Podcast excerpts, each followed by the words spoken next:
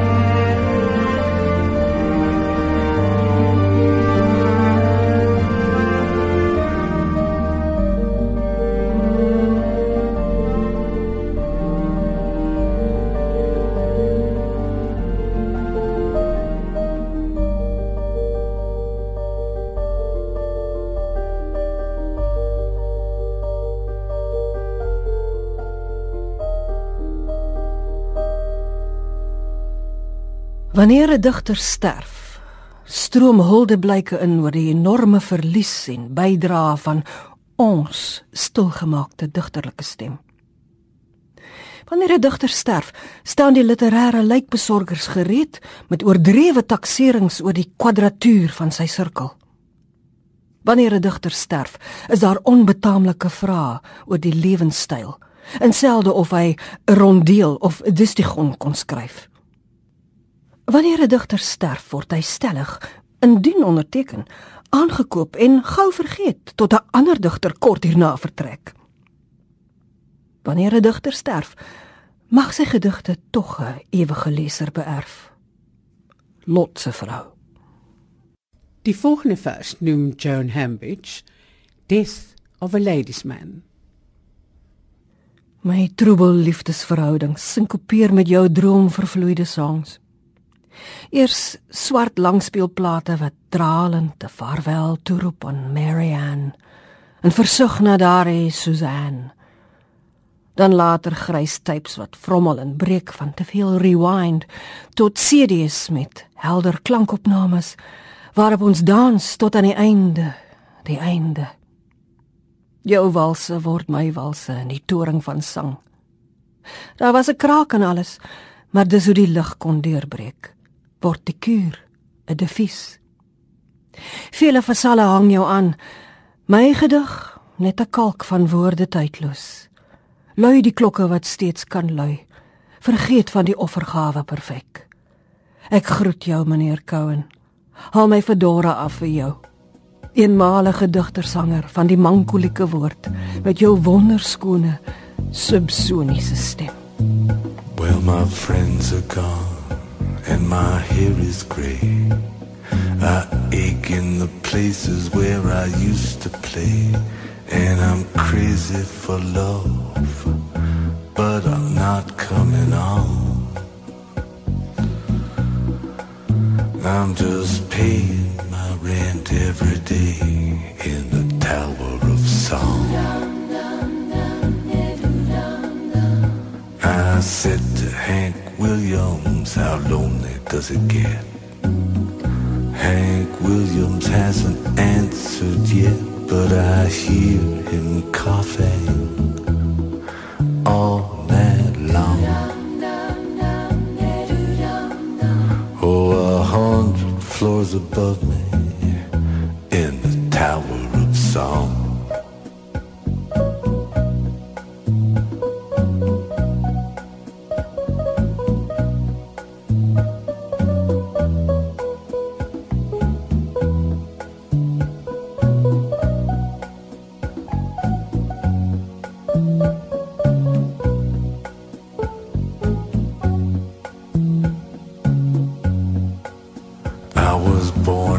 this.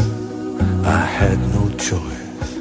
I was born with the gift of a golden voice and 27 angels from the great beyond.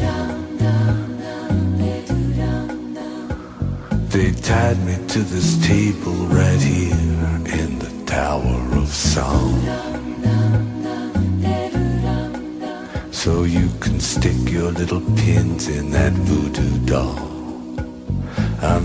Sorry, baby, doesn't look like me at all. I'm standing by the window where the light is strong. Ah, they don't let a woman kill you, not in the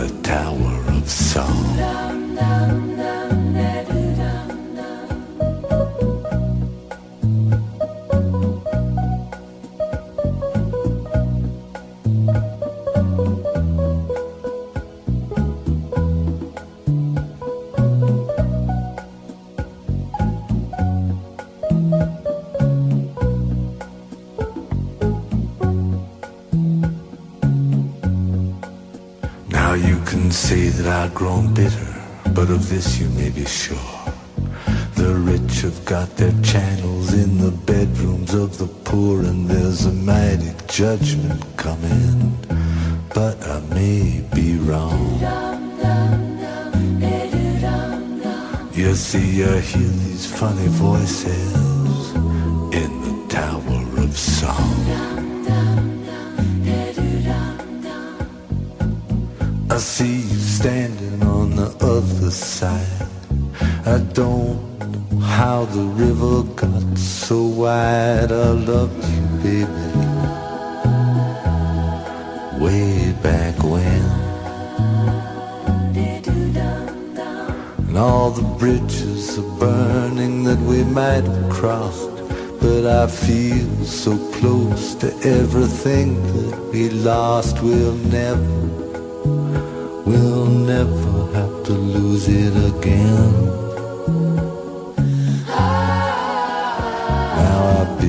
Farewell. I don't know when I'll be back. They're moving us tomorrow to that tower down the track, but you'll be hearing from me, baby, long after I'm gone. I'll be speaking to you sweetly from a window in the Tower of Song.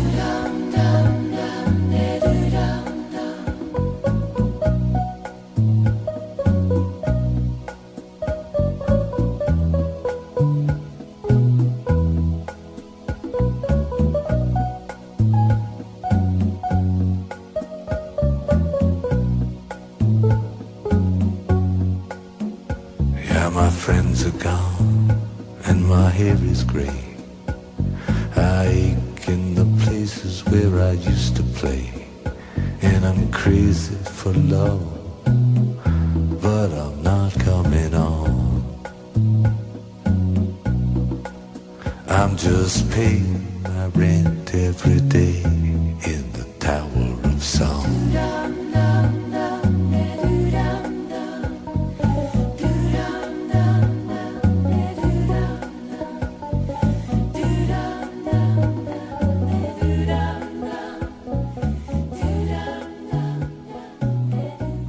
Na die selfdood van 'n regsgeleerde vriend, Andre Lou, skryf Joan Hambidge Eers giftige pille gestrooi teen die strandjoodwolf, sluipend om jou kophuis. Later, selfs buitende skokgolwe in jou breinkamers toe dit binnendring. Hierdie geslepe ding. Nou is jy nespapa Hemingway in die finale fusier. Jouself en dit wat trap in jou spoor soos 'n swart hond. Geketch hom.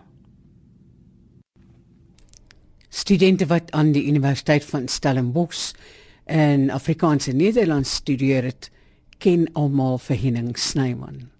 Hier is 'n vers, 'n lijkdig wat Joan Hambidge geskryf het na sy afsterwe.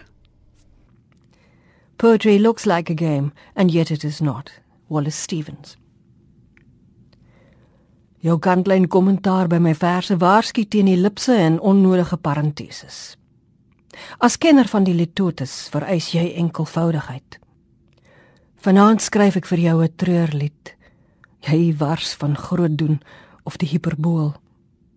Hierom dan net alle maatjies goed. Hoe raak jou vertrek ons wat soos jy 'n aptyd vir poësie het. Daar waar jy nou is, hoor jy nam litotes figura est. Kon jy mirakel en muse saamneem op jou enkelreis tussen tydelikheid en ewigheid? Of roep jy soos boerneef se vreemde voel alleen in die fluitjies ry terug na jou maatjies goed by Beaufort Wes? The poetry is in the pity, hoor ek jou korsel. Op 'n Paas Sondag skryf Joan Hambidge vir Henning Snyman nog 'n lijkdig. And poetry, sluggish in the doldrums of what happens. Seamus Heaney. In jou laaste brief aan die herder skryf jy oor die Heilige Gees as katalisator kort voor jy vertrek. Is jy bang vir die dood? Vra ek jou op 'n dag in jou windstoel kantoor. Die rooi dagboek punteneurig met take vir die dag 1 2 3. Nee, antwoord jy sonder omhaal van woorde of beelde. Parakleet is aanklaer, pleitbesorger en trooster. Daar waar jy nou is, geliefde mentor, is dit 'n perpetuum mobile met musiek waarna jy luister. Waardeer hulle jou polifoniese wysheid While ons monotoon treur en verlang. An appetite for poetry. Jou cadeau aan my. Frank Kermode oor William Empson resoneer en troos op hierdie Paasondag. We shall not look upon his like again. Na Joan Hambidge se ma se afsterwe, skryf sy die volgende gedig wat Amor Tredouf ons voorlees. A letting go which will not come again. Or it will once and for all. Seamus Heaney. Op die dag van jou finale vertrek verslaap ek. Sou jou graag wou groet vir oulaas oor 'n koordlose foon in die kliniek, onrustig op 'n hospitaalbed met blakkerende lakens en 'n nagsuster wat jou naam dra. Daar waar jy nou rus in Safa se koelkamer, wagtend op 'n Joodse kus, versoek ons dat hulle vir jou sokkies aantrek. Jy het altyd so koud gekry, my ouma, op die hoë veld met sy winters ontroosbaar. Die dood vandag voorspel 'n vaal winter sonder 'n oes. Net 'n bedag van wen. Gedemoveer van bed tot kus tot urne. You.